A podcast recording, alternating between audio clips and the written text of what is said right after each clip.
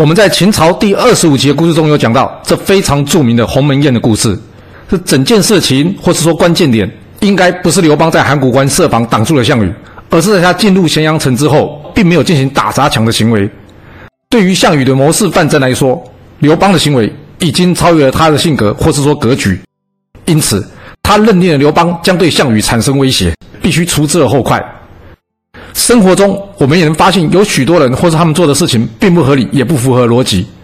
然而，重点在于我们有没有注意到，或是去小心的求证。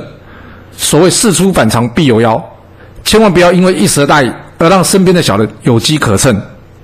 历史刻画着人性，了解历史，或许我们就能用不同的观点去判断事情。您说是吧？